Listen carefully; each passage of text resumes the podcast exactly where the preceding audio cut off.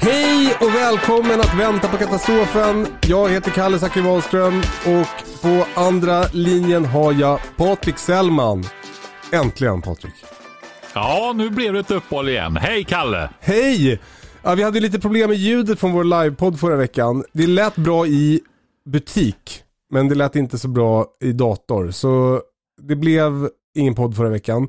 Vi ber om ursäkt för det, men nu är vi tillbaka. Och jag förstår att ni har längtat efter att hålla oss i handen. För det är oroligt i världen Patrik. Ja, det får man nog säga att det är lite grann. Ja, det är inte lite grann. Jag ska inte säga så. Det, det är faktiskt stökigt, det är det. Berätta.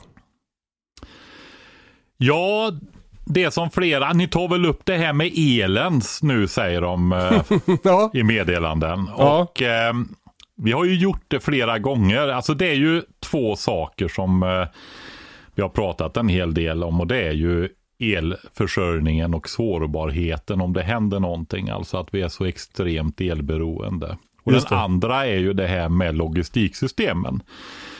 I och med globalismen att hela världen är involverad i allting. va. Mm.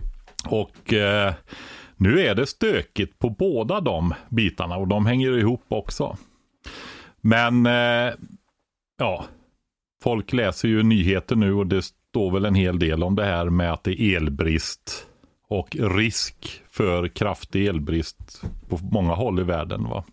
Ja men det hade hänt någonting i Libanon bland annat va?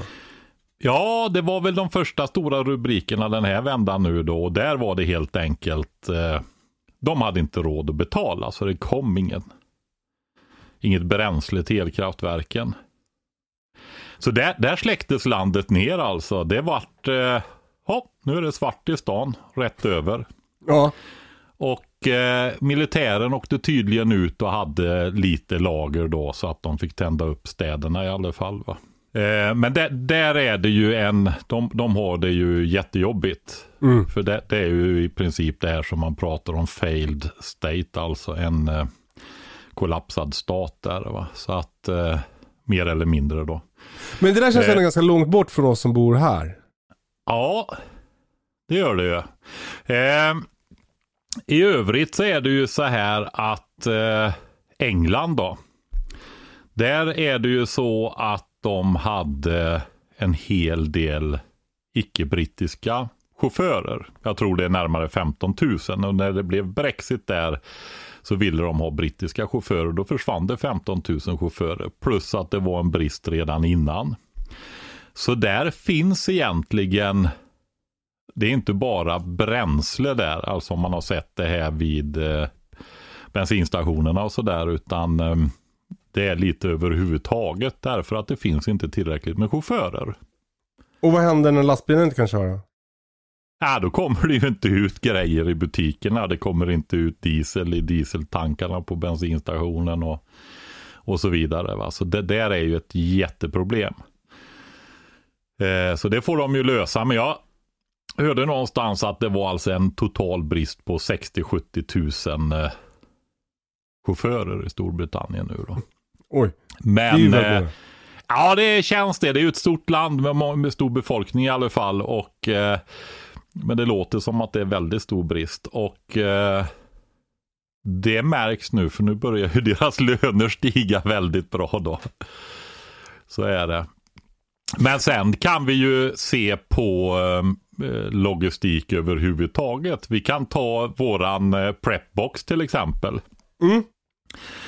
Eh, de vi samarbetar med där, Outmills, de hade ju beställt grejer för att få fram det med god marginal redan i juni. Mm. Nu visar det sig att påfyllningen där kommer i december. Alltså, Ställer till problem för oss. Har, har vi dålig beredskap Patrik? Nej, det har vi inte, men saker tenderar att bli värre och värre.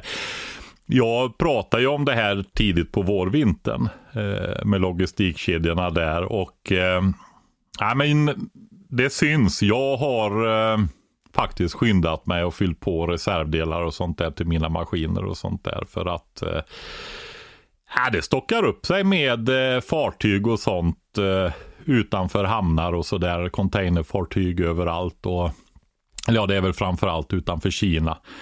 Eh, alltså är det någon med corona på ett fartyg så stänger de ner hela hamnen och sådana där grejer. Va?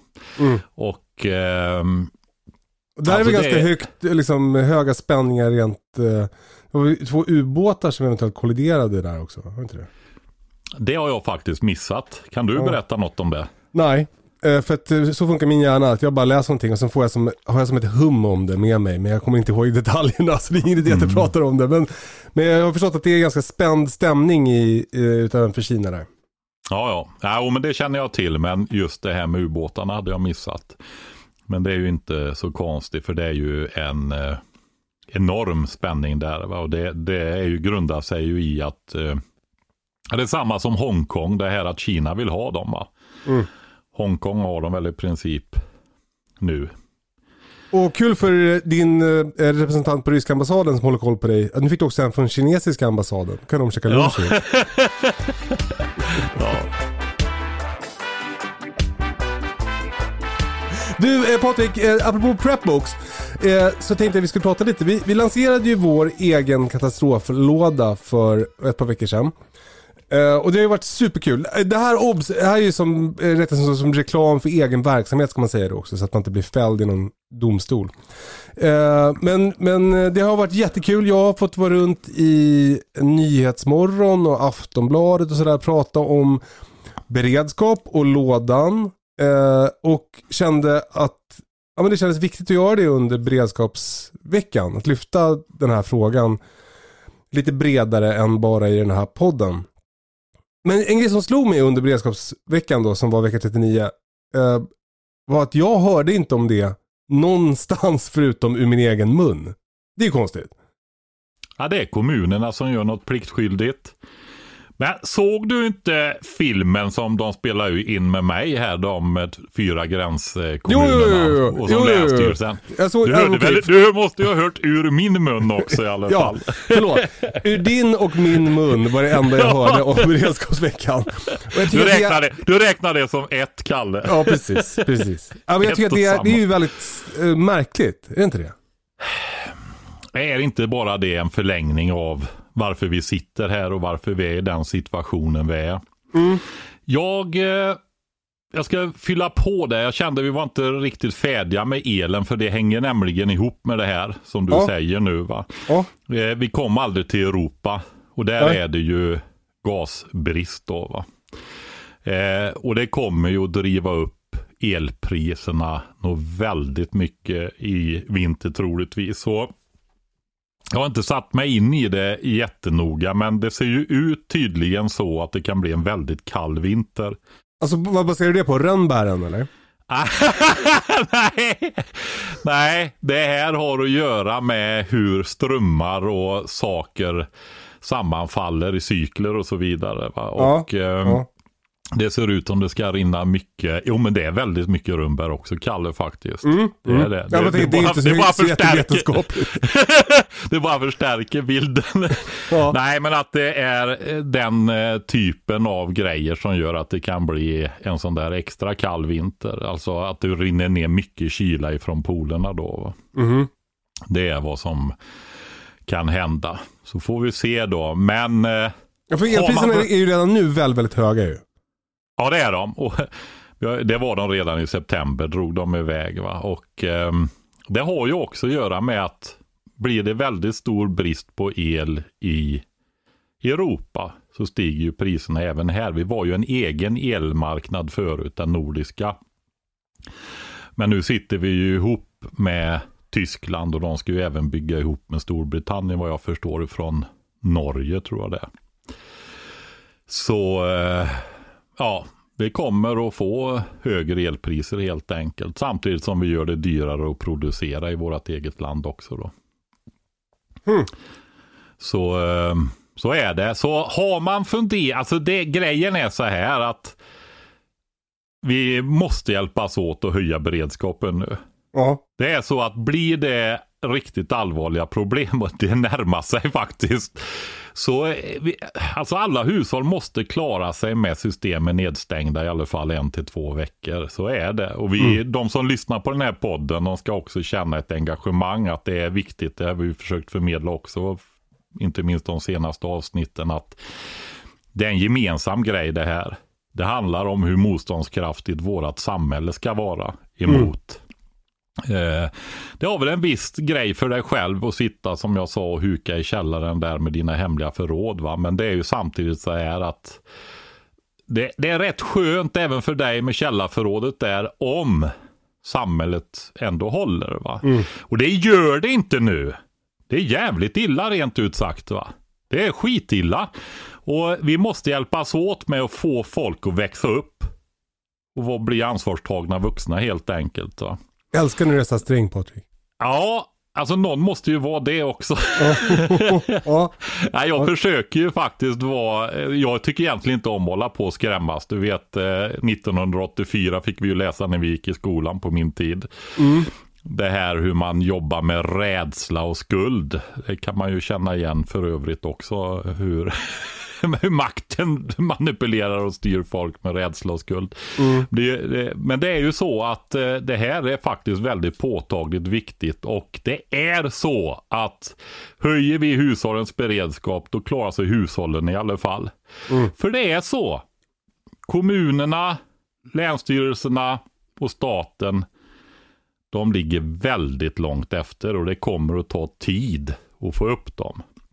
Så se till att din familj funkar i lägenheten när det blir mörkt. Va? Mm. När, kyla, när kylan kommer. Eh, se till att det finns utrustning, se till att det finns vatten, se till att det finns mat. Och de här grundläggande grejerna som vi pratar om här hela tiden. Och vi kommer att prata mer om detta framöver. Och vi kommer också köra ut ett eh, lektionspaket på en, jag vet inte vad det kan bli, men 10-12 lektioner via Prepbox också i e-postbrev där. Va? Mm. Och det blir ju de här grundläggande planeringsreglerna som vi har pratat om här. Fast vi strukturerar dem då och sammanfattar dem där. Och sen blir det ju de olika områdena i hemskt vis då som vi kör där också. För nu ska vi göra det här. Och som sagt, jag vet inte, har du kollat statistiken? Hur många är det som lyssnar på det här egentligen? Hur många pratar vi med?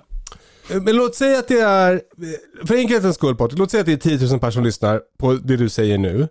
Eh, vi måste på något sätt få de människorna, du som lyssnar, att bli delaktig i höjandet av beredskapen i Sverige. Inte bara genom att höja din egen beredskap utan att bli en ambassadör för budskapet. Att bli en sån som pratar om beredskap i fikarummet på eh, ditt barns lags träning blir liksom lite en jobbig jävel som pratar om någonting som många vill glömma kanske. Alltså, det är så här, vi måste ju bli bättre och vi måste hjälpas åt med det. Och det är som jag pratat om även det tidigare här, att det måste ju normaliseras. Det måste mm. normaliseras att man är en ansvarstagande människa som är, ser till att ens familj kan klara sig om det blir kraftigare störningar i samhället på något sätt. Va? Um. För, det, blir, för det är ju lätt att man hamnar i, om man pratar om beredskap så blir man lätt att man hamnar i facket eh, domedagsprofet. Liksom. Att man målar upp olika skräckscenarier och, och, och, och, och men, men det, det handlar ju inte om det. Alltså det, det skit, skit i skräckscenarierna då. Istället så tänk bara så här. Eh, som, att det är som en, en försäkring. Och att en försäkring har ju alla människor på sin bil till exempel. För att om man kör i trafiken och krockar så blir det så himla dyrt annars. Man har en cykelhjälm när man cyklar för att om man blir påkörd och ramlar så dör man om man inte har cykelhjälm. Det är inte för att man är dålig på att cykla eller för att man är extra rädd eller så, utan det är för att man, är, man tänker att man är dum i huvudet om man inte har cykelhjälm. Och, och, och, man får tänka på det här med beredskap lite mer som en, en hjälm för sig och sin familj. Det är inte för att, för att man är, liksom, har, har en, eh, en eh, surmulen och negativ inställning till livet. Utan det är att man, man tänker att det är, det är bäst utifall att. Snarare tvärtom skulle jag säga. Det är alltså att man tar det på allvar. Och eh, det kom ju fram en ung kvinna där på eh, i Västerås när vi var där. Det kom ju faktiskt en hel del folk där tyckte jag lyssna på. Så ja, det var att, så ro äh, roligt. Jag vill bara flika ja. in då, för er som har missat det så var ju vi då eh, förra helgen så var vi i, på ICA Maxi i Hälla i Västerås eh, och gjorde livepodd och lanserade vår eh, eh, Prepbox. Ja.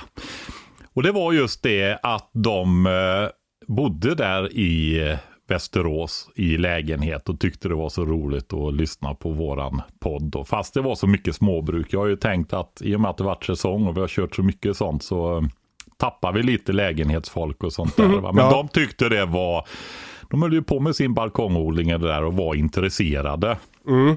Men hon sa en sån viktig sak och det var det där att när de nu har börjat med sin ja, beredskapsåtgärder i sin lägenhet och sådär. Så eh, är det ju det att det, ja, de har ju tänkt på frågorna förut va, men när de har börjat ta tag i det och göra saker så har de ju blivit tryggare och mindre oroliga istället. Va? Just det. Eh, Att, att man gör någonting åt det. Va? Att man eh, löser uppgiften istället för att faktiskt bara stänga av eller vara orolig då att det ska hända någonting och känna sig utlämnad. Att man faktiskt förbereder sig. Och jag, jag vill säga det där du sa att strunta i den där allvarligaste katastroferna. Alltså de finns ju också, de kan ju hända, så är det ju. Alltså det kan ju bli hur illa som helst potentiellt. Va? Men sannolikheten är ju, alltså du har ju hur många händelser och scenarion som helst som inbegriper att det blir kraftiga störningar. Mm.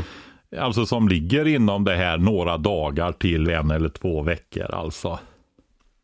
Och eh, man skapar sig ju ett utrymme där om man förbereder sig på en till två veckor, helst två veckor. Jag säger en vecka för att det är vad staten har bett oss om då, men eh, jag tycker det är lite underkant då. Om, man tagit en, om man börjat att lära sig och bygger upp så kan man lika gärna ta två veckor på sikt. Man kan börja med en vecka så fyller man på med en vecka till sen. Va? Men eh, då skapar man det här utrymmet att det liksom inte blir panik. va? När det redan är fullt kaos. Att tiden får gå lite, man reder ut situationen och sen kan man börja organisera om saker och hitta lösningar och sånt där. Va? Men då finns det för de här första stötarna rejält i alla fall då. Va? Där kom sopbilen om du undrar varför hundarna skäller Kalle. Ja, det undrar, det jag och alla det, det, är, det är stora hösttumningen av soptunnan nu. Eh, är- ja, det här är intressant för er som lyssnar. Eh, eh, nu får ni en liten stund gissa hur många gånger per år Patrik har soptänthämtning. eh, och där vill vi ha era svar. Och ni som har gissat på varannan vecka, eh, ni har fel. Varje vecka, ni har fel. En gång i månaden, ni har fel. Patrik har sophämtning två gånger om året. Eh, Stora vårhämtningen och stora hösthämtningen. Nu pågår just nu, jag sitter och tittar på stora hösthämtningen här. Varför har du sophämtning bara två gånger per år? Nej, men det här var så att eh, här var ingen sophämtning. Och eh, alltså det är ju länge sedan nu då. Det blev väl lagstiftat här. Det är väl decennier sedan. Jag har ju bott här ett tag nu. Eh, och när de då började med det, då var det ju också det där att man var ju tvungen att betala. Och man var tvungen att ha sophämtning och då var det minsta man kunde ha två. Det finns kvar fortfarande då. Vad gör du med alla sopor då? Alltså Gräver vi, ner dem i eh, skogen? Nej, det gör vi inte. Vi eh, eldar ju i, eh, med ved här så att mycket av det oglättade pappret då, alltså det här lite strävare pappret, det har man ju tänder med då. Ja. Och det andra lägger vi bara i papperskassar och lämnar. Vi åker ju till återvinningen helt enkelt. Just det. Ja, men eh, sophämtning två gånger per år är ändå goals. Ja, det, Eh. vet du vad det är för sopor vi slänger då? Nej. Vi har egentligen inga sopor alltså om man inte räknar det som åker i återvinningen då. Nej, alltså det är att vi när vi kommer till grinden där och går ur så slänger vi skräpet i bilen i soptunnan. Och så, en gång per, på hösten, en gång på våren så kommer sopbilen och tömmer det. Ja, kul. ja.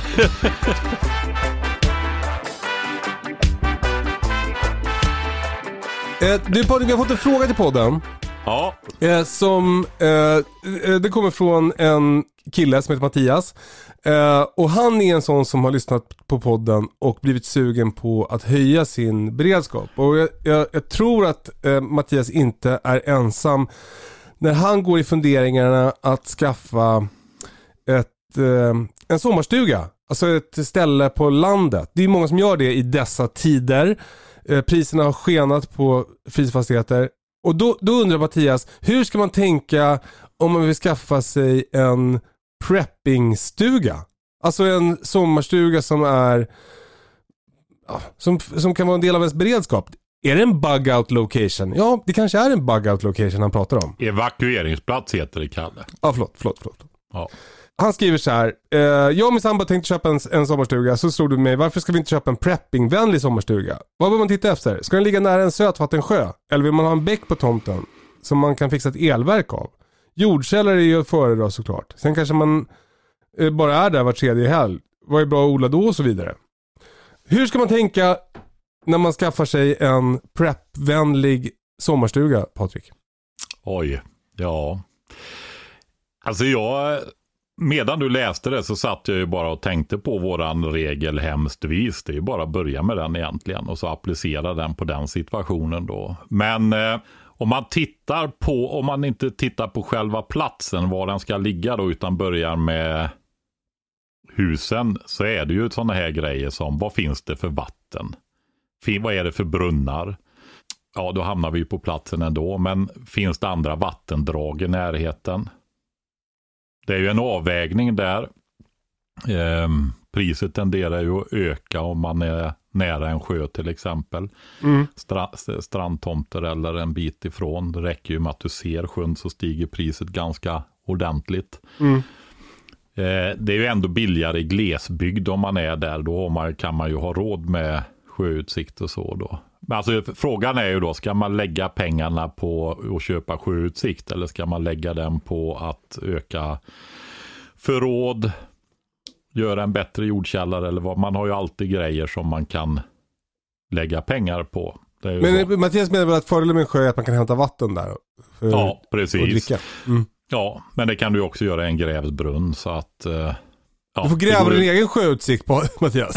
Ja, gräva en damm. Åh gud, det har jag hållit på med. Ja. Nej, men alltså en sjö eller större vattendrag, större bäck eller um, å eller någonting sånt där är ju fantastiskt när det gäller bevattning av odlingar då va. Jag har ju varit på ställe i Vemdalen och ridit några gånger. De har ett, uh, en bäck med, och sen har jag den, uh, den ligger högt eftersom det är i fjällen. Så, så då ja. får de ju vatten därifrån i, de har lagt ner ett rör i den där bäcken, så har de ju ett ständigt strilande vatten på tomten. Det är geni. Mm. Ja, de har typ en, eh, ja, som en källa där med ett rör som kommer ut med vatten i en ja. liten damm eller någonting sånt där då. Ja, exakt. En, ja, det är ju fantastiskt när man kan ha så. Här där jag bor så är det ju faktiskt, det är ju rätt högt och så ligger gårdarna i sluttningen ner. Så att de flesta har en källa ovanför sig, alltså en mm. grävd brunn. Så att de har självtryck in i huset med några hekto mm. tryck. Alltså inte som man normalt är van i hushållen då, men att det kommer ja, eh, hyfsat med vatten i alla fall utav sig själv utan elektricitet. Då. Så det är också ett sätt. Mm. Men eh, sen är det ju det här med eh, hur kan man värma huset? Alltså skaffar man sig en sån där plats, då det här med gasol eller fotogen eller sånt, det är ju liksom i vårat land så är det ju ved som gäller som den här riktigt uthålliga bra värmekällan och matlagningskällan också då för värme till matlagning. Det är ju mm. ved. Mm. Så det ska, det ska man ju se till att man har då. Mm. Så det är ju ofta när man tittar på landsbygden så är det ju lite äldre hus och det, ja, jag vet inte, så länge det har varit bostadshus så är det ju murstock i dem. Va? Mm. Så är det. Sen mm. kan man ju se om de är okej okay också då i och för sig. Då. Sen är det ju så här att eh, jordkällare är ju oerhört värdefullt om man tänker sig att man ska odla. Men egentligen inte bara det, utan de är ju bra också om man bygger lager. Du har ju ett eh, mörkt och kallt utrymme och det är ju grunden för att lagra mycket. Då. Nu är ju jordkällare ofta fuktiga också då, va? så att eh, torrvaror och sånt är ju inte lämpligt där då, men eh, konserver och om du konserverar saker själv och så med tryckkokare som vi har pratat mycket om, då är ju en jordkällare väldigt bra. Och, och för dina vattendunkar också, som vi ja. tycker att du ska ha. Precis, precis. Sen när det gäller, alltså det är ju en del som har frågat om det här med, ja vi kan ta färdigt då. Sen är ju det där med säkerhetsbiten. Ja, kul! Alltså, om man får välja så är ju ett vägslut väldigt bra. Alltså en väg som går in och slutar där du har ditt hus då, eller din boplats. Varför då? Ja, det är ju, du kan ju stänga till med, dom, med bommar och sånt där nere om det skulle bli väldigt stökigt. Och du kan eh, ha eh, rörelsedetektorer och sånt där nere. Finns ju billiga sådana som du kan sätta upp som har en räckvidd på några hundra meter i alla fall. Så du har en viss förvarning om det kommer folk efter vägen och så. Mm. Nu pratar vi, jag förmodar att om man pratar evakueringsplatser och sånt där så är man inriktad på de här allra besvärligaste situationerna också. Alltså de troligaste är ju mindre besvärliga då, men om det blir riktigt, riktigt illa så är det ju skönt att kunna ha det arrangerat så då. Ja men det är väl ganska skönt i vilket fall som helst att, att ha, ha någonstans att dra sig tillbaka på. Jag minns när det var eh, terrorattacken på Drottninggatan i Stockholm. Då, då när man, innan man visste vad det var, när man bara visste att det var, det var ju rykten om skjutningar överallt över hela stan och så här. Då bara, då var vi i vårt radhus i närförort. Då bara hoppade vi in i bilen och körde till landet. Då känner Mm. man sig tryggare liksom. Ja, ja nu är, har ju du faktiskt en sån plats, höll jag på att säga. Ett vägslut med en vägbom. Ja, ja. Du, du behöver bara sätta upp den där rörelsedetektorn där borta. Ja men exakt. Eh, och kanske en, en eh, bom som är stängd. ja, men du har ju det om det, alltså du får ju ha olika beredskapsnivå i Kalle, förstår du väl? Självklart, ja. Jag vill, jag vill bara inte gå in på dem här i podden så alla hör. Okej, men så lätt att liksom eh, på något sätt försvara, ska man tänka så? Nej, alltså jag tänker nog i första hand förvarning. Ja, Så är det ju. Så att du inte blir överraskad då. Sen, men vi pratar försvar. Jag känner att det är ju fel forum att göra det här faktiskt. Då, då hamnar vi ju i... Eh, alltså då får vi ju prata... Du vet, då kommer vi in på strid och sånt. Det tycker inte jag vi ska prata om här på det sättet i alla fall. Det har vi pratat om kalla kriget och hur jägarförbanden jobbar och så vidare. Men jag känner inte att vi ska göra det när det gäller sådana här saker. Nej. Det har vi ju pratat om i ett avsnitt och det är ju Ja, där vi prat, du tog upp det och ville prata om det med vapen där. Så jag tänker det får räcka. Och där sa jag ju just det här att man ska verkligen, verkligen, verkligen tänka sig för. mm. För att just det här med vapen eska, eskalerar situation. Och är det någonting som erfarenhet och sånt visar så är det faktiskt det att eh, fly är det bästa sättet, trygg, eh, säkraste sättet att överleva eh, generellt sett då va. Alltså eh, tänk dig att det är eh, krig då till exempel och kommer det närmare dig. Ja, det är ju inget att fundera på. Sitt inte där och huka utan förhoppningsvis har du förberett dig i god tid på att kunna dra dig bort från platsen då. If you thought the only way to get a more defined jawline with natural looking results was through surgery, think again. Juvederm Volux XC is a non surgical injectable gel filler that improves moderate to severe loss of jawline definition and can help you achieve natural looking results with little downtime. Even better, this improved definition lasts up to one year with optimal treatment. No maintenance required. Improve jawline definition for a smooth, sculpted look with Juvederm Volux XC. For important safety information and to find a licensed specialist, visit juvederm.com. That's J U V E D E R M.com. Not for people with severe allergic reactions, allergies to lidocaine, or the proteins used in Juvederm. Common side effects include injection site redness, swelling, pain, tenderness, firmness, lumps, bumps, bruising, discoloration, or itching. There's a risk of unintentional injection into a blood vessel, which can cause vision abnormalities, blindness, stroke, temporary scabs, or scarring. Talk to a licensed specialist to find out if it's right for you. Och hur ska man veta när man ska dra? Ja, det är ju bra. Det är också saker man kan fundera på. Det bygger ju på att du har information. Helt Ja. enkelt. Hur ska du få information då? Va? Och förhoppningsvis så kan du få rapporter via radio, alltså vanlig FM-radio. Eller till och med tv-kanaler. Det brukar ju vara, tittar man eh, i senare tid som har varit så är det ju rätt bra med rapporteringar ifrån oroliga områden då. Men det är inte säkert och då kan det ju vara så att man kan ha ett, ett eh, vänner och ett nätverk som man kan nå också. Men då är man ju inne på väldigt avancerad nivå för då får du ju troligtvis ha radiokommunikation då. Just det. Eh, eh, när Mattias letar efter en fastighet då så, så eh, man brukar säga så här att det viktigaste, den viktigaste beredskapen man kan ha är eh, eh, god eh, kontakt med sina grannar. Men samtidigt om man letar efter en, en evakueringsplats så känns det ju skönt i alla fall spontant att den ligger väldigt isolerat. Mm. Det där är ju lite personliga preferenser också. Det har jag ju sett i kommentarerna här också som kommer. Alltså nej, inte kommentarerna utan meddelanden heter det på Instagram framförallt. Det är många som vill skriva meddelanden. Lite tråkigt för det när man lägger tid på att svara. Så är det ju bra, för det gör ju jag än så länge. Det funkar ja. ju fortfarande. Att ha dia dialog med lyssnarna och sådär tycker jag. Och eh, det är mycket bättre att skriva kommentarer. För då när jag lägger tid på att svara så kan ju massvis med andra läsa det där också va.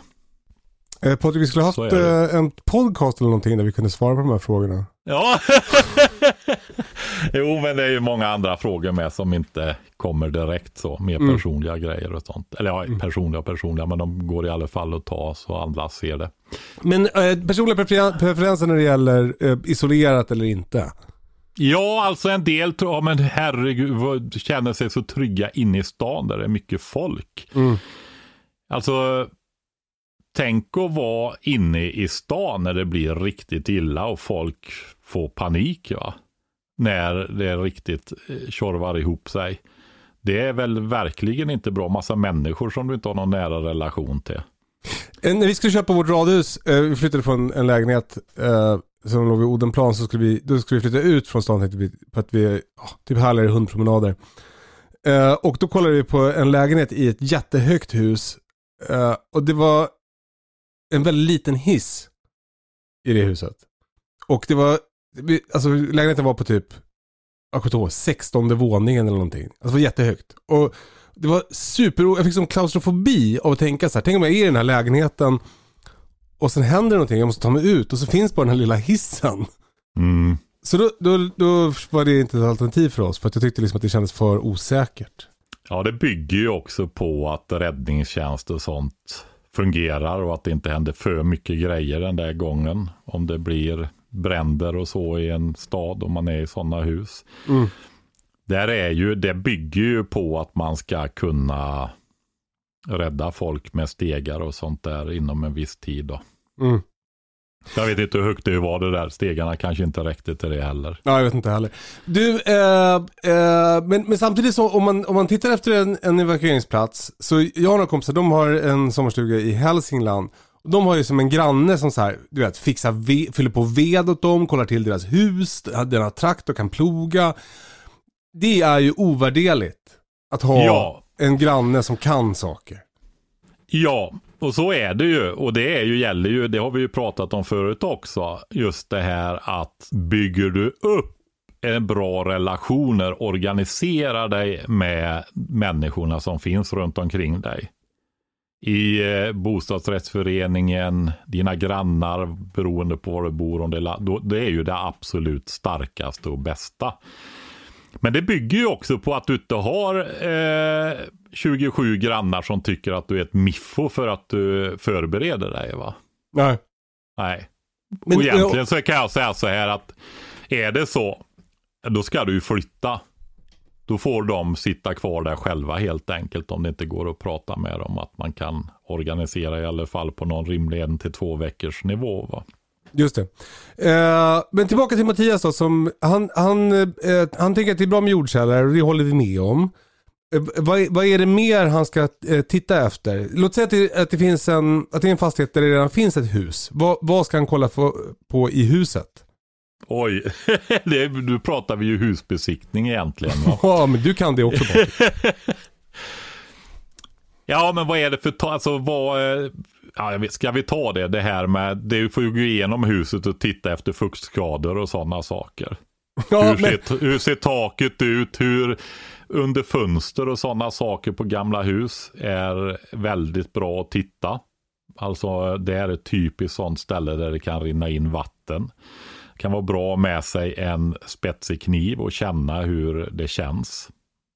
Stick, sticka in eller en syl eller någonting sånt där. Va? Så man kan känna att det inte är för mjukt trät och så mm, överhuvudtaget. Jag kan berätta lite hur jag gjorde när jag byggde mitt hus. mm, gärna. Ja, för det är det också en del som har velat. Jag blev ju erbjuden att, att köpa en tomt här på ett väldigt fin plats då. Och eh, fällde skogen en kilometer ner i eh, en nordsluttning här. Så jag har ju byggt utav material på platsen. Eh, jag byggde ingen vanlig grund. Jag byggde en grund som är en sån grund som man byggde mycket förr. Men jag har utökat den dessutom. Man gjorde ju stenkistor helt enkelt i grunden. Och jag gjorde ett helt stendike. Som jag la dränering i botten på. Så min, min, eh, mitt hus står på en stor stenkista. Alltså, grunden är en enda stor dränering egentligen. då. Mhm. Smart. Mm. Så jag la upp den stenkistan till marknivå så göt jag fundament som står på de stenarna. Då. Och var fick du stenarna ifrån? Ja, det är ju där jag byggde huset då så var det ju odlingsröse. Vad betyder det? Alltså i Småland så byggde de mycket stengärdsgårdar och sånt. Här finns det också. I och med att det är högt så är det ju morän och då är ju alla storlekar blandade. Är du nedanför högsta vattenlinjen då är du ju nere i havet där havet har varit och då är materialet mer sorterat. Så det finns ju mycket sten här som kommer upp efterhand och då kastar de upp det i högar här mestadels då. Ja, ja, ja. Inte- Så är det. Alltså när man bröt ny åkermark typ. Nej, det är Nej. när du bru- brukar den. Stenarna kommer upp efterhand i marken. Va? Ja. Så det är inte bara, visst är det när du börjar odla så eh, är det väl som mest, men det fortsätter att komma upp efterhand då när du bearbetar jorden och sådär. Då. Och då kommer det upp. Ja, men utav kärlen lyfter upp stenar och sånt då. Jaha. Vad spännande. Ja, så är det. Ja. Eh, så så har jag gjort grunden då. Så lutar den i botten mot ett hörne där det rinner ut en dränering också då. Eh, jag var noga med att inte ha källare och sånt där. Eh, har väl tänkt på det någon gång att det hade varit skönt att ha källare. Men samtidigt så var jag ju väldigt noga med att det skulle vara Ja men alltså i och med att jag tänkte ju beredskap redan på den tiden där. 19, början på 90-talet. Och eh, jag skulle liksom kunna laga huset. Det skulle vara väldigt hållbart och välgjort. Lättrenoverat. Källare där du kan få fuktskador och sånt där var liksom, nej det går bort. Då får man bygga ett uthus istället. Va? Skönt. Ja, och eh, sen byggde jag ett hus som var friskt. Alltså det här att bo i en perforerad plastpåse som de flesta gör nu för tiden. Det kände jag att det var... Nej, Det är du för inte- eller? Där ska inte mina barn behöva växa upp. Nej, För det var ju deras barndomshem jag byggde också då. just det. Ja. Alltså vad, vad, vad använder du istället då? Nej, jag byggde ju en tung stomme i timmer då. Sju tum tjock timmer. Så timrade vi upp huset där. Vi bodde här ute då en sommar. Jag och en ungdomskamrat. Mm. Eh, så timrade vi upp huset. Och hans lillebror och min lillebror var här också innan och ryckte in i lumpen. Det var ett, ett, en samling unga män, väldigt unga män. Hmm. Som bodde här då. Eh, och eh, sen har jag, gjorde jag själva konstruktionen så. Jag skulle ju lägga det i söder, men det ligger inte nu när Google Maps finns sedan ett tag tillbaka. Så ser man att ja, min kompass var nog lite eh, trasig. Den ligger några grader snett nämligen. Det ser man i förhållande till de andra gårdarna här. Att de ligger rakt sydlig. Min ligger lite vridet faktiskt. Mhm. Men eh, mot söder, att det öppnar sig huset mot söder med fönster och sånt. Och även mot väster och öster, men att det är slutet mot norr då. Där har du ju de kalla vindarna och det. Så där har jag en ryggsäck kallas det. Jag har ju en timmerstomme då som är själva huskroppen. Men så har jag en sån här snedtak på baksidan. Och det är ju inte bara för att få extra utrymme utan eh, det är också för att ha dubbla väggar mot norr med väldigt lite fönster. Det är mm. egentligen bara ett litet fönster på norrväggen och det är för att ge lite ljus in i tvättstugan och ja, där vatten och sånt kommer in då. Mm. Så det sluter sig mot norr och öppnar sig framförallt mot söder men även mot öster och väster. Och det har du ju med solinstrålning och sådana saker då. Mm. Alltså sånt där har ju betydelse på, på årsbasis. Just det. Så kan säga, ja vi kan ta det sen, men där på norrsidan så har jag också byggt ett skafferi. Ett större skafferi. För då ligger det ju på den kalla sidan av huset. Där skuggan är som mest. Mm. Framförallt i de här övergångsperioderna då på sen på våren och på hösten då. För det blir ju för varmt på sommaren om du inte har någon form av kylanläggning. Jag byggde faktiskt ett sånt här rör som går i backen. Ja, har du gjort det? Kul. Jajamensan, det gjorde jag. Men jag fick aldrig det att fungera. Varför då? Nej, det skulle ju vara, alltså det är ju det här med varm och kall luft. Mm. Ska du få in kall luft där på sommaren så måste du ju ha ett undertryck i skafferiet. Dels ja. måste det ju vara tätt i övrigt. Och eh, det måste skapas. Och det går att göra utan elektricitet. Eh, blåser det lite grann så kan du ju ha en sån där snurrventil som kan bättra på draget. Har du sett dem? Det sitter som en eh, grej på ventilationsskorstenar som snurrar. Just det, som blänker om man kollar över takåsarna i Stockholm. Ja, där kan jag tänka. De är ju till för när det blåser då, då snurrar de där och så skapar de, det är som en fläkt som suger ur ett rör då va. Och så går ju att göra på ett skafferi också. Och då kan du suga luft genom det här röret som är nergrävt i backen då. Jag gjorde för kort rör mm. också. Så därför brydde jag mig aldrig om att göra färdigt det där. Om jag... Hur djupt måste man gräva tror du för att det ska funka? Alltså jag skulle nog helst gå ner 1,20 kanske 1,30, 1,40 också om det är när man ändå gör det. Och lägga lite grövre rör också. Så att det blir mindre motstånd om du ska ha det här dra, det mekaniska draget då. Mm. Så kommer luften in mer. Sen är det ju så då att om man tänker sig att det är sommar så har du ju varm luft som sugs ner i det här röret mm. och dras igenom röret och så kyls det ju där nere. Och då är det ju så när det gäller luftfuktighet att varm luft klarar ju av att hålla mer vattenånga. Så när du sänker temperaturen så klarar inte luften av att hålla det där utan det blir ju kondens. Så då måste du ha, det röret ska ju luta bort ifrån skafferiet. Och i slutet på röret så ska du ha möjlighet för vattnet att rinna ut i någonting. Då en stenkista eller någonting sånt där. Jaha. Och det är också därför det blir dagg på hösten? Sensommaren? Ja, det är det. Hmm. För att då blir det kallt på nätterna, då kyls luften ner snabbare. Och då blir det vatten kvar. Ja, om det inte har med att marken är kall när temperaturen börjar stiga också då. Mm. Men det, det, det, det, kan ju vara att det blir utfällning också, alltså att um, du har varmare på dagen och så blir det kallare som du säger och då fälls det ut alltså. Mm. Då hamnar ju på backen. Det kan det ju vara också. Det kan vara kall, kall, kalla ytor eller att du sänker temperaturen då. Skulle en idé kunna vara att gräva, ja om man ska bygga ett skafferi, det, det kanske är lite mycket detaljnivå det här för dig, men vi tycker att det är kul. Eh, men om man ska, om, om man ska ha ett skafferi, eh, skulle det vara en idé att då gräva ur golvet och ha någon slags eh, gallergolv eller så här, eller blir det för fuktigt då? Ja, det skulle jag inte göra, utan isolerat golv. Ja.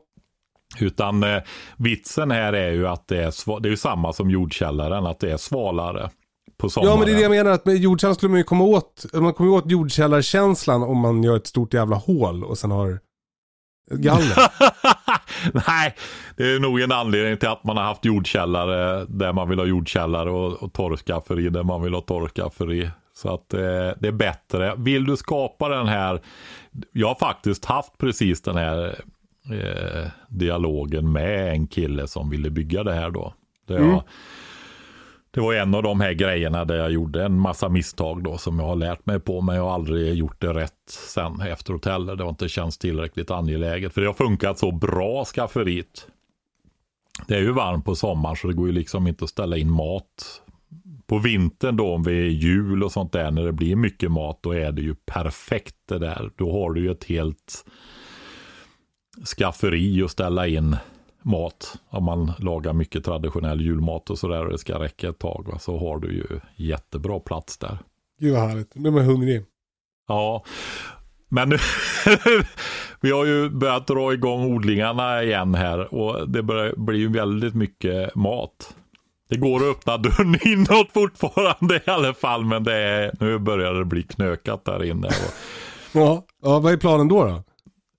Nej, jag har kontaktat, eh, eller en, en granne kontaktade mig och erbjöd sig att jag skulle få ställa in i hennes jordkällare. För det är ju mycket potatis då framförallt som tar stor plats nu då. Är det. Men du ska ju gräva en jordkällare också, hur har det gått med det? Nej, men det är nästa års projekt. Ja, ja, ja, förlåt, förlåt. förlåt. Så är det. Eh, Okej, så Mattias ska tänka, och, eh, eh, personliga preferenser, vill han bo med grannar eller själv? Eh, gärna i slutet på en väg, gärna jordkällare, gärna någon typ av färskvattenkälla. Men det där är en avvägning man får göra. Man kan lika gärna gräva en, en brunn som har... Eller damm och sådana grejer va. Precis, som har en bäck på, eller sjö på tomten. Mm. Är det något mer som, man, som Mattias ska tänka på? Ja, vi, är ju, vi är ju vid mitt hus där. Jag har ju pratat om skafferiet och Ja. konstruktioner där skydda mot norr och öppna mot söder och så vidare. Då. Jag har också valt att ha ganska brant taklutning så att vattnet rinner, minskar risken för läckage i tak. Jag har 36 graders lutning och det Oj. där var ju en estetisk avvägning.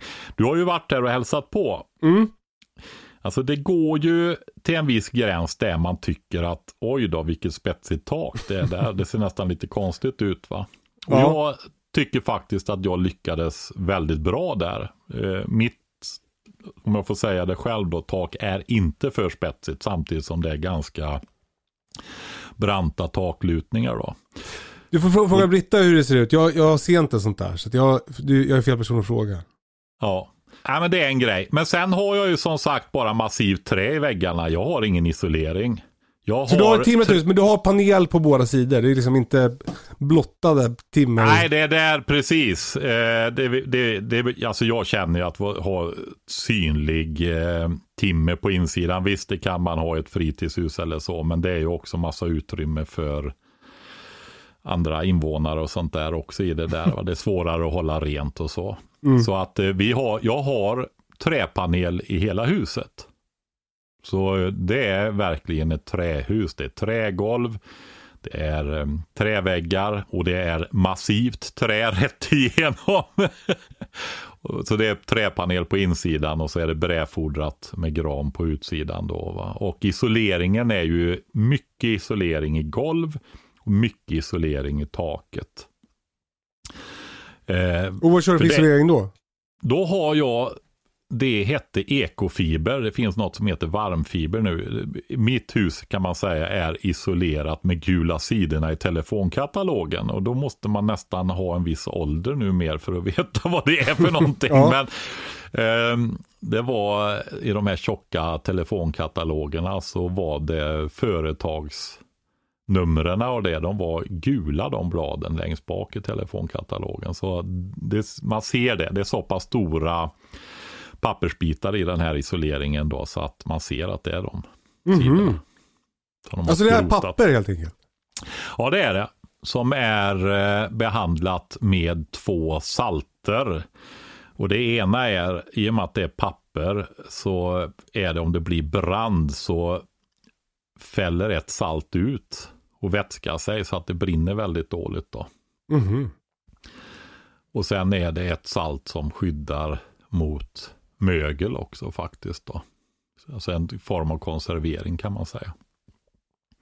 Så det har jag gjort och så har jag varit väldigt noga med att vindtäta. Så jag har klätt stommen på utsidan med vindtätning då. Och sen har jag en rejäl luftspalt. Och så har jag vanlig brädfodring. Och rejäla luftspalten där det är ju för att ge utrymme för brädfodringar att kunna torka ordentligt. Va? Att det luftar sig bakom. Just det. Hur, lång, hur stor luftspalt har du där? Jag har faktiskt två tum. Oj, Normalt har man inte så mycket då. Nakt, alltså jag har ju fått getingar där. Det är tillräckligt stort för att få getingbo. Så det finns ju en anledning till att de har mindre luftspalt där då. Men eh, jag tycker inte det har varit så stor nackdel så att jag tror, tror att det har varit bra i alla fall. Men eh, sen inomhus då så har jag ytbehandlat med bivaxlasyr. Och det Mhm. är eh, och det är just för då får du antistatisk yta på panelen då. Så att inte du får massa damm på väggar och sånt där Mhm. som fäster. Bivaxlasyr. Det var Ja. mäktigt. Ja. Hur gör man det? Och- Nej, den är faktiskt köpt utav Färgbygge. Köpte Mhm. jag den då. Sen när det gällde fönster och sånt där och eh, vindskivor och sånt, då blandade jag själv med linoljefärg och pigment och sånt där. Det var, det var ju verkligen kan själv. Ja. ja, jag slutade köpa, eller det blev ju dyrare dessutom. Pigment och sånt var ju så dyrt va, så att det var, ja, det var en egen bit. Men jag gjorde det i alla fall så blanda färg har man fått prova på också i alla fall. Och eh, sen fick jag faktiskt, körde jag självdragsventilation i huset då. Så jag har satt vanliga ventiler i och med att jag skulle elda med ved och inte ville vara beroende av fläktar och maskinventilationer och sånt. Utan jag ville ha ett hus som kunde vara, stå där friskt och fungera så länge man sköter om det i princip för alltid. Oavsett om det finns el eller inte. Va? Utan det skulle vara en, en organism som kunde fungera med människor som levde i det då Mm. utan elektricitet. Alltså vanliga hus, du vet att funkar inte ventilationen där så blir det ju värre än att stå bredvid en, en motorväg vet du, ganska fort in i ett modernt hus. I den där perforerade plastpåsen. Det låter Nej, men- superobehagligt ju. Ja, men det är ju det. Alltså det, alltså, det är ju inte bara det att de inte har någon eldstad i sina hus. De är helt beroende egentligen för att kunna bo i huset över längre tid av att det finns el dessutom. Va? Som suger ut och byter luften i rummen tillräckligt ofta. Och så alla de här moderna limmerna och spacklorna och, och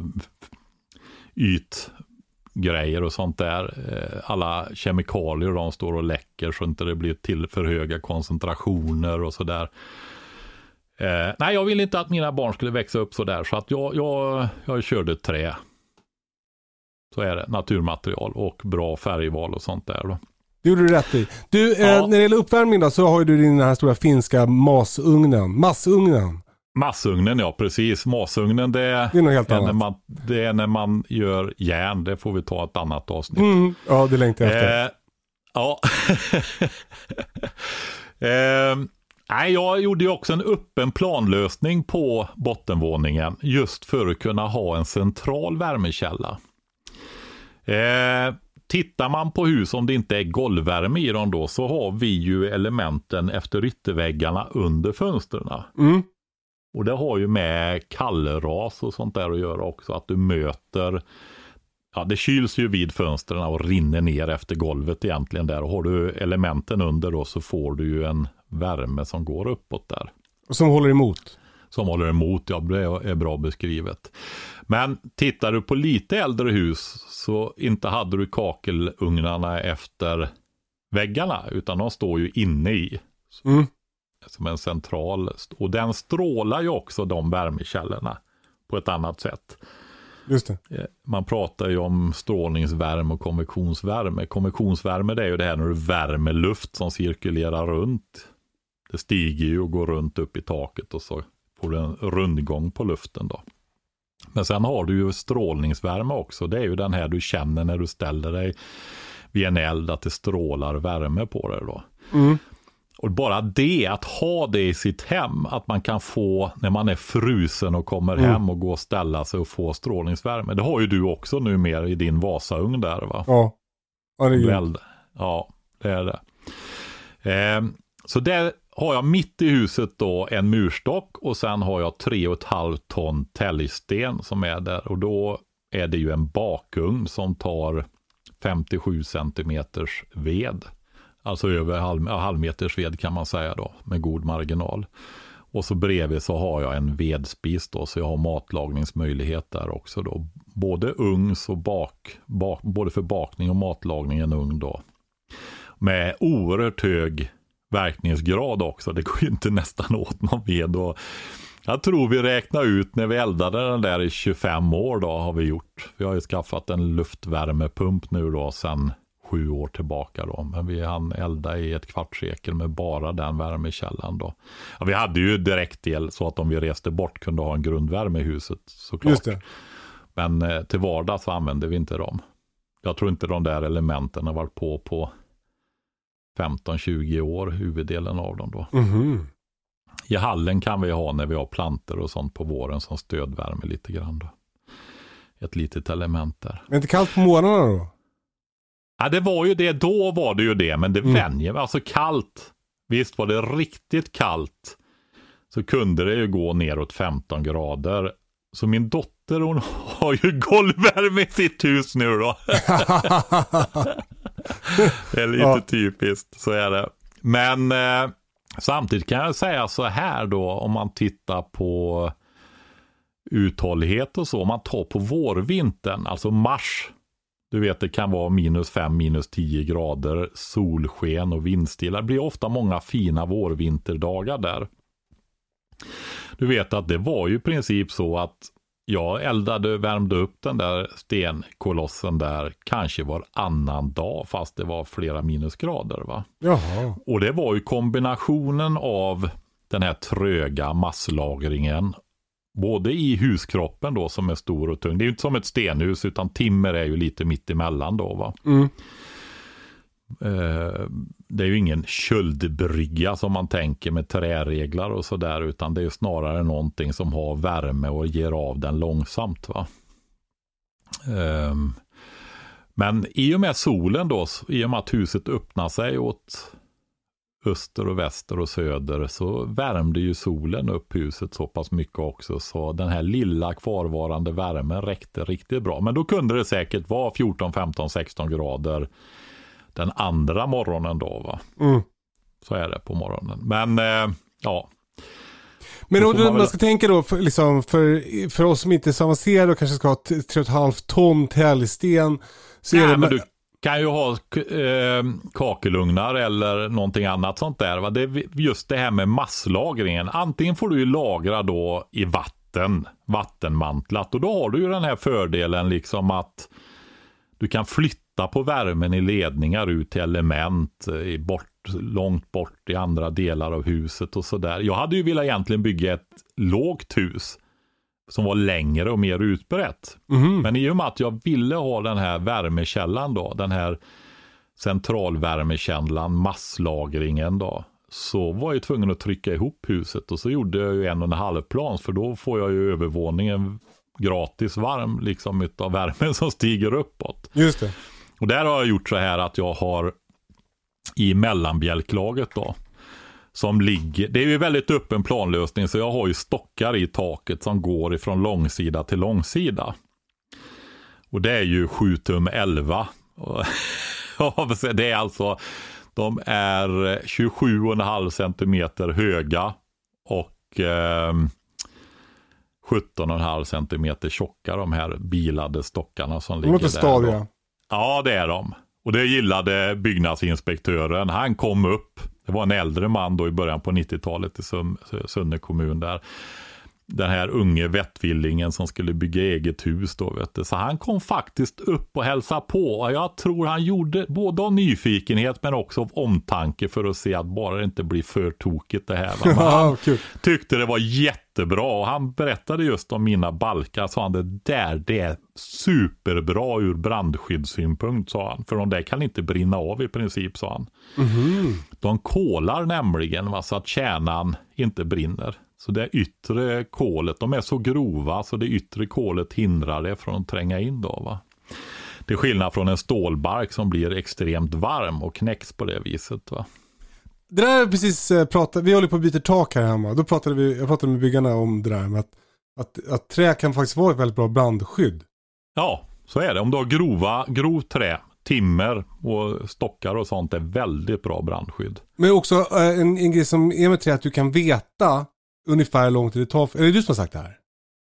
Nej, Det, att man kan veta ungefär hur lång tid det tar för någonting att brinna av om det är gjort av trä.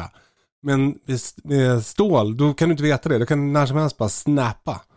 ja, Ja, det var spännande. det, det blir ju mjukt stål när det blir eh, för varmt. Va? Så Ja. är det ju. Det är ju så man gör när man smider. Nej, men då kan ju den här värmen ifrån, den är öppen planlösningen då, så då kan det sprida sig i bottenvåningen och då har jag extra tjock isolering i det här mjälk, mellanbjälklagret över den här 3,5 ton stenhögen då va. Och så tunnas den ut mot väggarna då, så längst ut mot väggarna så är det lättare för värmen att stiga upp till övervåningen då. Herregud vad smart och genomtänkt. Hur kunde du Ja. tänka ut det här när du var 25? Ja, Nej men alltså allvarligt. När jag var 25, ja, då fick jag i och för sig barn så då hade jag väl lite koll. Men, men ändå. Nej, det, ska, alltså, det är ju så här att varför det blev ett sånt här hus, det var ju för att jag gick eh, delar av en utbildning på, i slöjd uppe i Vindelns folkhögskola. De har en slöjdutbildning där, men då skulle jag bli förälder sen så jag slutade efter knappt ett år. Den var egentligen tvåårig, men vi hann bygga ett timmerhus. Och faktum var att jag slutade precis mitt i timringskursen, så jag var med och byggde ett litet fri, eller en liten stuga eh, på några kvadratmeter. Eller ja, alltså säg 30 kvadratmeter. Och eh, jag var med upp ovanför fönstren, alltså jag hann med det här med gåtar och sånt där. du vet runt dörrar och fönster och så, Ja. så blir det ju inga knutar utan då tar du ju, hugger du ju ut spår där och ställer en stående gåt. Men Ja. inte hela vägen upp så att det får möjlighet att sjunka då. Va? Så jag, jag, liksom, jag kunde principen att bygga ett timmerhus men jag har aldrig hållit i en motorsåg eller någonting. Va? Men alltså jag menar bara det här med isolering, det ska vara tjockare isolering ovanför ja, du värmekäll. tyckte det var... Det, Ja, men jag bara tänker att det är så, grej att tänka ut.